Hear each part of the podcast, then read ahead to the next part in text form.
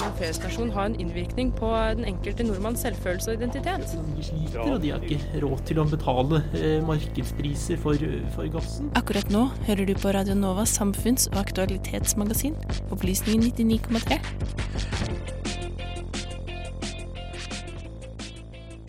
Mandag denne uken arrangerte SIH en debatt som besto av fire panelister. På Facebook beskriver de arrangementet slik. Vi ønsker at studenter og akademikere i Norge skal få en bedre forståelse av hva som ligger i begrepet dekolonisering, og øke bevisstheten om problemene rundt ensidig og ikke-inkluderende kunnskapsformidling, samt hvordan dekolonisering av akademia kan passe inn i en norsk kontekst. Etter debatten fikk jeg prate med Beate Ødegård, som er president i SIH, og Cindy Horse, som er forskningsdirektør og forskningsleder i migrasjon og flyktningstudier ved Fredsforskningsinstituttet, og hun var en av panelistene under debatten. Dette var det Beate hadde å si. Kan du forklare på en enkel måte hva avkolonisering går ut på? Avkolonisering kan forstås på veldig mange ulike måter. Men for SIH så handler avkolonisering om å si ja til nyansert kunnskap og si ja til et mangfold av perspektiver, og utfordre skjeve maktstrukturer.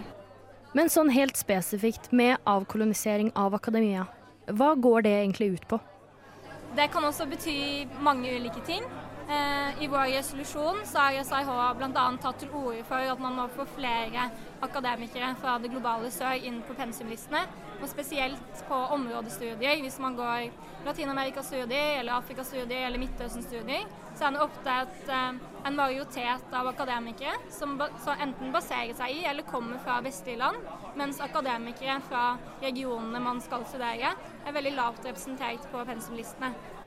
Alle panelistene i denne debatten var jo for avkolonisering. Men hva er argumentene imot, egentlig? Ja, Det finnes også flere nyanser måte, innenfor de som uh, stiller seg kritisk til avkolonisering. Noen er veldig kritisk til å bruke selve begrepet avkolonisering, og vil heller at man skal snakke om mangfold av akademia eller av universitetene.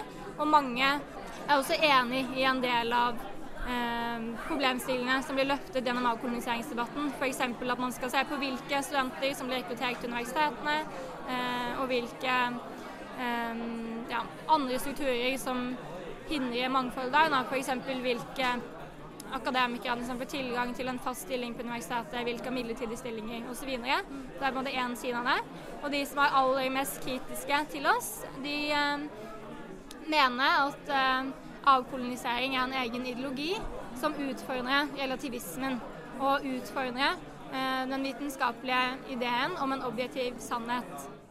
Hvorfor mener SIH at denne debatten er så viktig å ta? Det handler om å adressere skjeve maktstrukturer som finnes i akademia, og det er veldig få som snakker om det.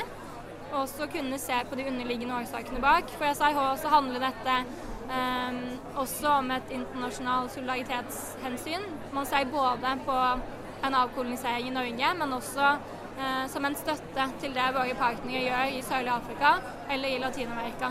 I den norske konteksten så handler det om å anerkjenne at også Norge har en kolonial fortid. Uh, undertrykkelsen av samene er et eksempel på det, men det finnes også andre eksempler på norsk involvering innen, shipping og slavehandel. Uh, det handler også om at man må være bevisst på at vårt pensum også kommer fra andre tidligere koloniherrer. Man importerer mye pensum fra britene f.eks. Så det er en del av en større diskusjon. Uh, ja, uh, vi har nå fått inn flere gjester inn i studio. Blant annet uh, Selina Salinas, førstelektor ved sosialantropologi for Sosialantropologisk institutt, og Gaute Arvid Kandal Hoel, som er statsviter. Eh, aller først, Selina, så lurer jeg litt på hva du legger i begrepet avkolonisering. Først, jeg heter Cecilia. Cecilia, beklager. Det var bra du avklarte med en gang. ja. eh, og spørsmålet hva jeg legger i avkolonisering? Ja, I selve begrepet.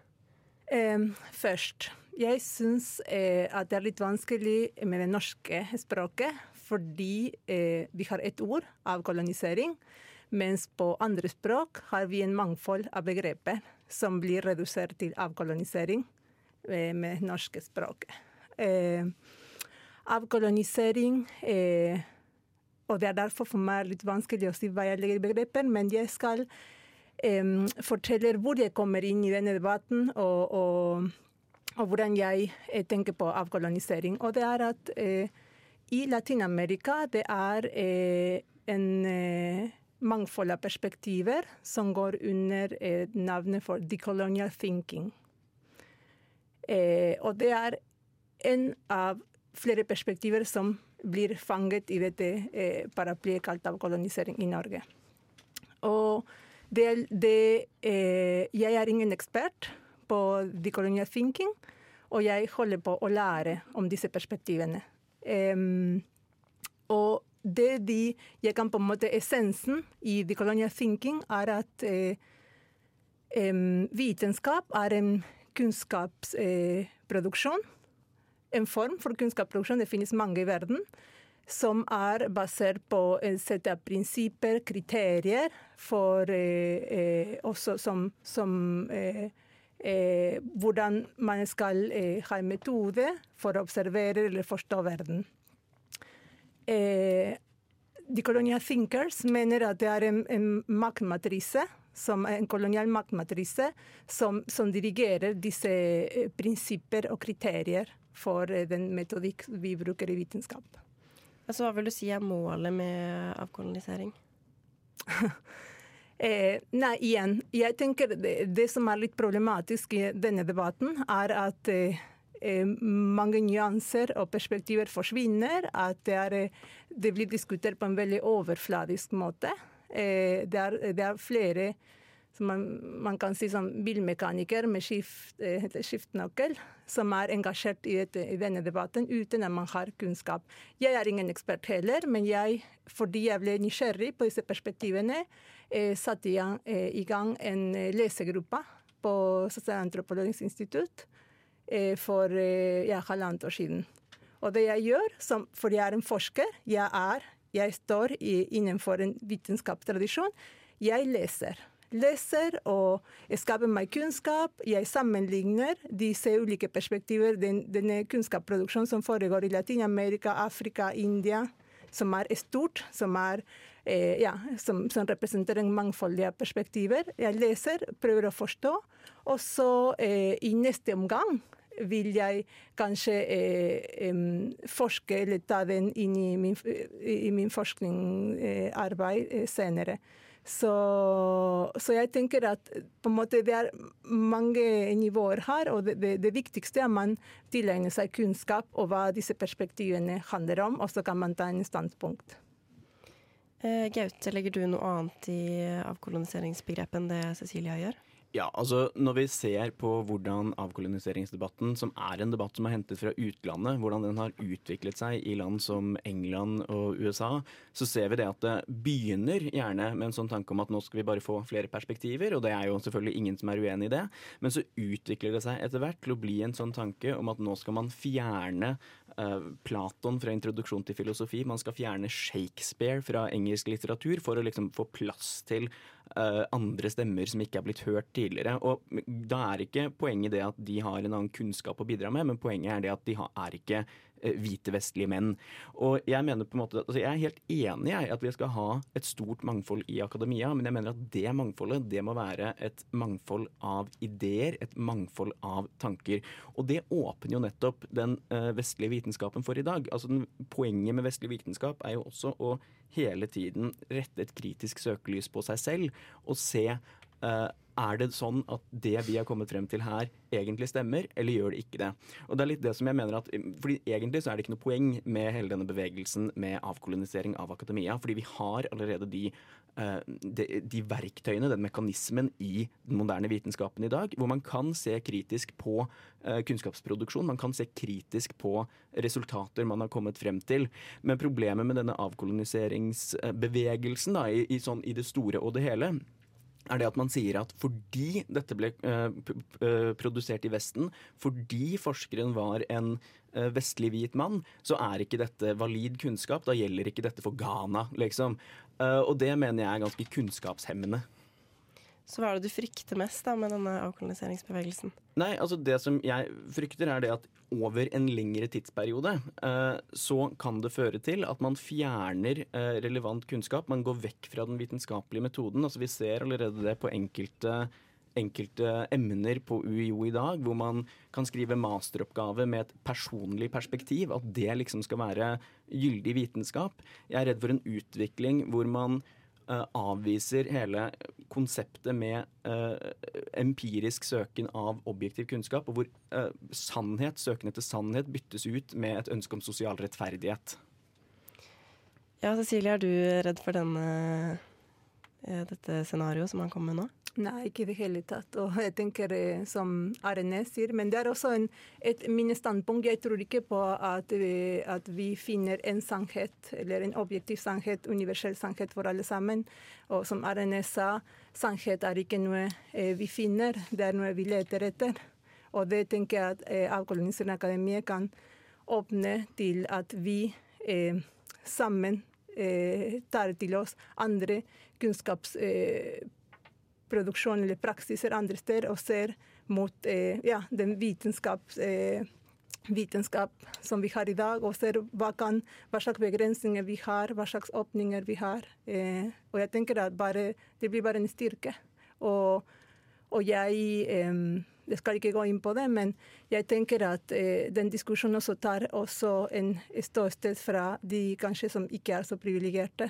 Og det eh, mens eh, ja, så det er på en måte de ikke-privilegertes ståsted som denne på en måte debatten prøver å ta standpunkt fra. Mm. Ja, men altså, du kan jo ta feil selv om du ikke er privilegert. Og det er litt av poenget også, er at én pluss én er lik to, uavhengig om du er i Norge, om du er i Ghana, om året er 1632 eller om året er 2018. Og det er litt det som er mitt poeng i denne debatten her, er det at jo, det finnes noen objektive sannheter. Og så er det f.eks. Eh, i enkelte fagretninger så kan du si det sånn at jo, men eh, man trodde én ting da, og så vet vi noe annet nå. Og det er veldig sant, men da må man gå på spesifikke, eh, det spesifikke, spe, spesifikke feltet og si OK, men er dette sant? Stemmer det? Og hvis man klarer å gjennom den vitenskapelige metoden bevise at noe ikke stemmer, da blir jo det ordentlig Altså da blir jo det kunnskapsproduksjon, da blir jo det en objektiv sannhet. Uh, og det er litt av poenget også, er det der at det spiller egentlig ingen rolle om det er en kvinne eller en mann eller en svart eller en hvit person som kommer frem til at én pluss én er lik to. Poenget er at det er det. Uh, og det er ikke noe relativt med det. Men mennesker eller medstudenter fra Universitetet i Oslo som studerer f.eks. Midtøsten-studier eller Latin-Amerika-studier i dag, forteller at de leser ingenting som er derfra. De leser det europeere og vestlige folk har skrevet. Er du imot mangfold i hva vi leser?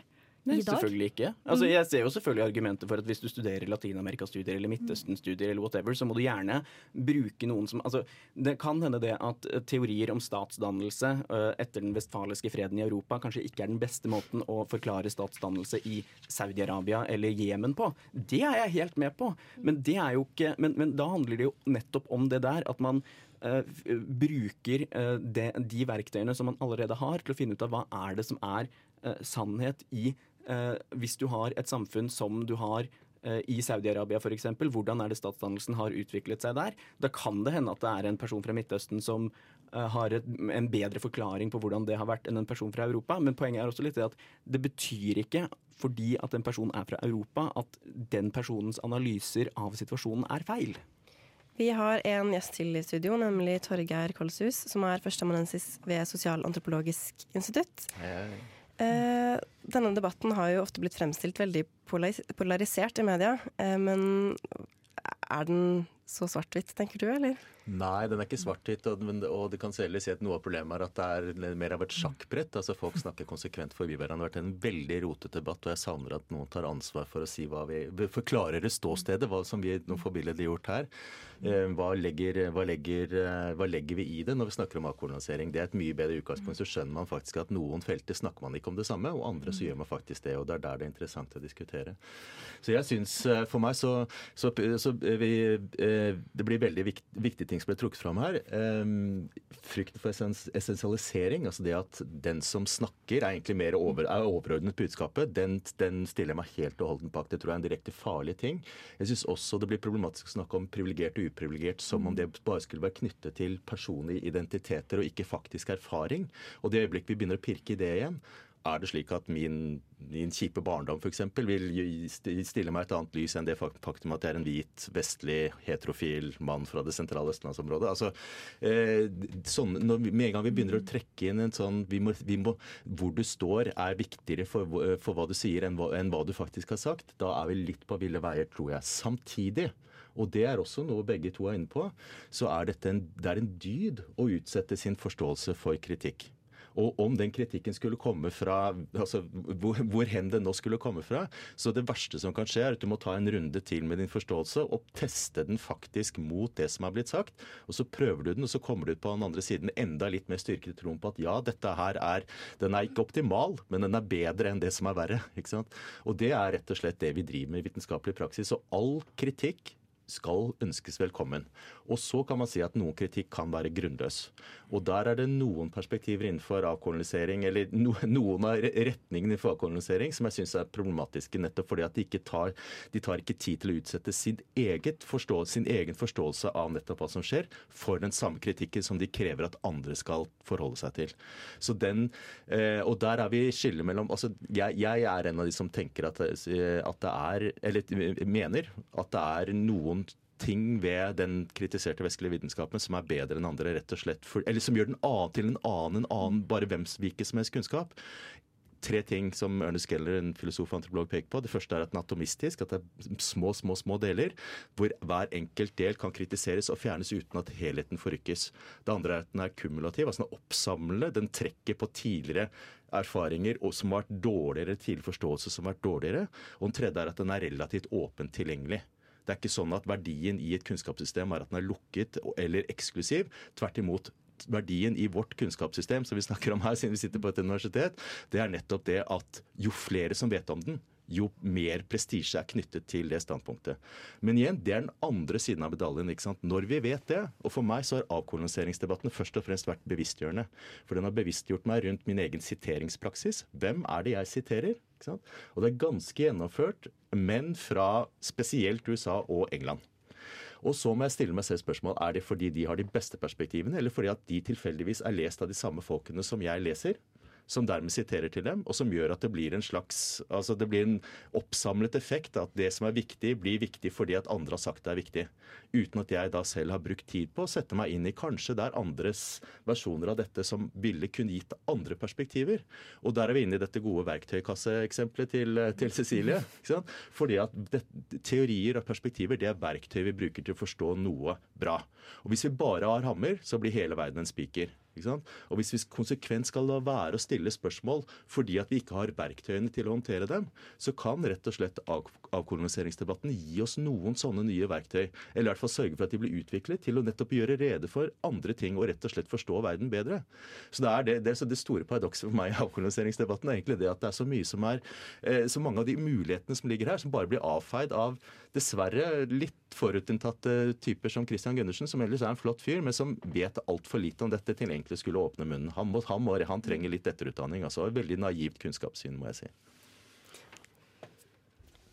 Um, ja, Torgeir, du har jo snakka litt om den her kritikken, eh, eller selvkritikken som det her har eh, At du har fått deg selv til å tenke på hva du selv har lest, da.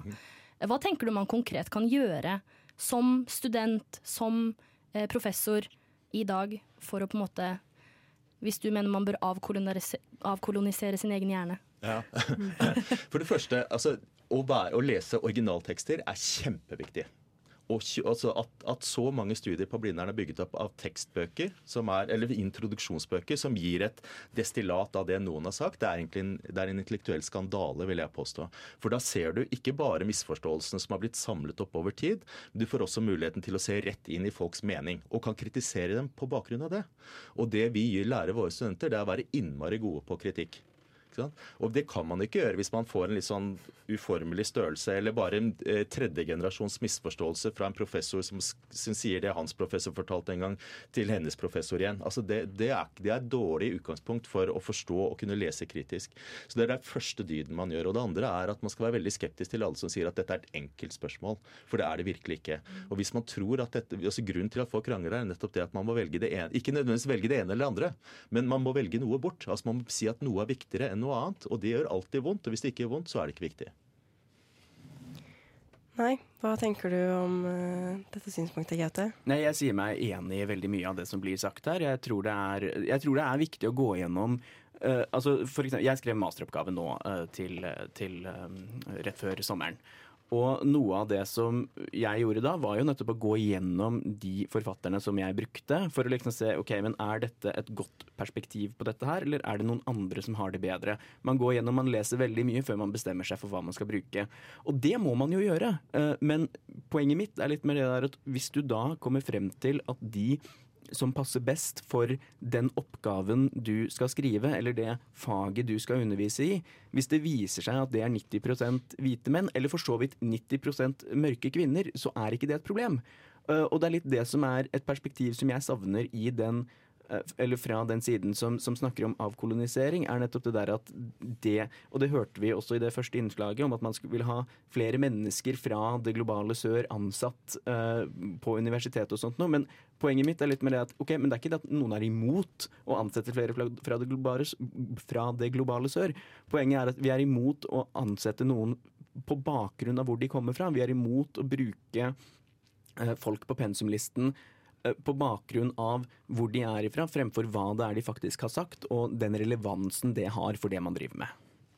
Hadde du kommentar til det? Tage? Eh, ja, altså det, det, litt i forlengelsen av dette, så hvordan, hvordan altså, no, noe, det, var, det, er en, en eh, Will Kumlicha, som er en teoretiker innenfor multikulturalisme, sier at vi, vi, vi, sluttet å være forelsket i klasse da vi begynte å bli forelsket i identitet. Eller omvendt, vi ble forelsket i identitet da vi glemte klasse.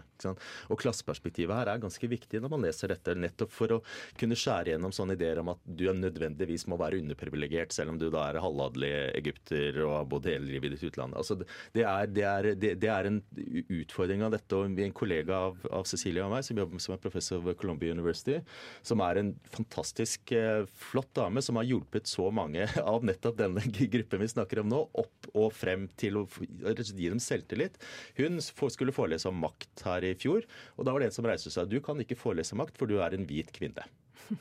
Hun er datter av en alenemor ikke sant? og har vokst opp i Georgia, i et, et stykke godt stykke utenfor Atlanta. Ikke under veldig, ikke, altså absolutt ikke privilegerte forhold. Har kommet dit hun er, og så møter hun den. ikke sant? Fordi hun er hvit kvinne så kan hun ikke snakke om makt, fordi hun ikke forstår hva det innebærer å være undertrykket. Og Hvis vi går dit, så kan vi legge ned veldig store deler av øvre Blindern. Altså. Og det, det, det, tror jeg mange av oss er bekymret for. og Da tenker jeg at det er fint for oss som nettopp har forsøkt å sette oss litt inn i dette her, og gjøre, være tydelige på hvor grensen går. Vi trenger ikke være kompiser med folk som påstår sånn.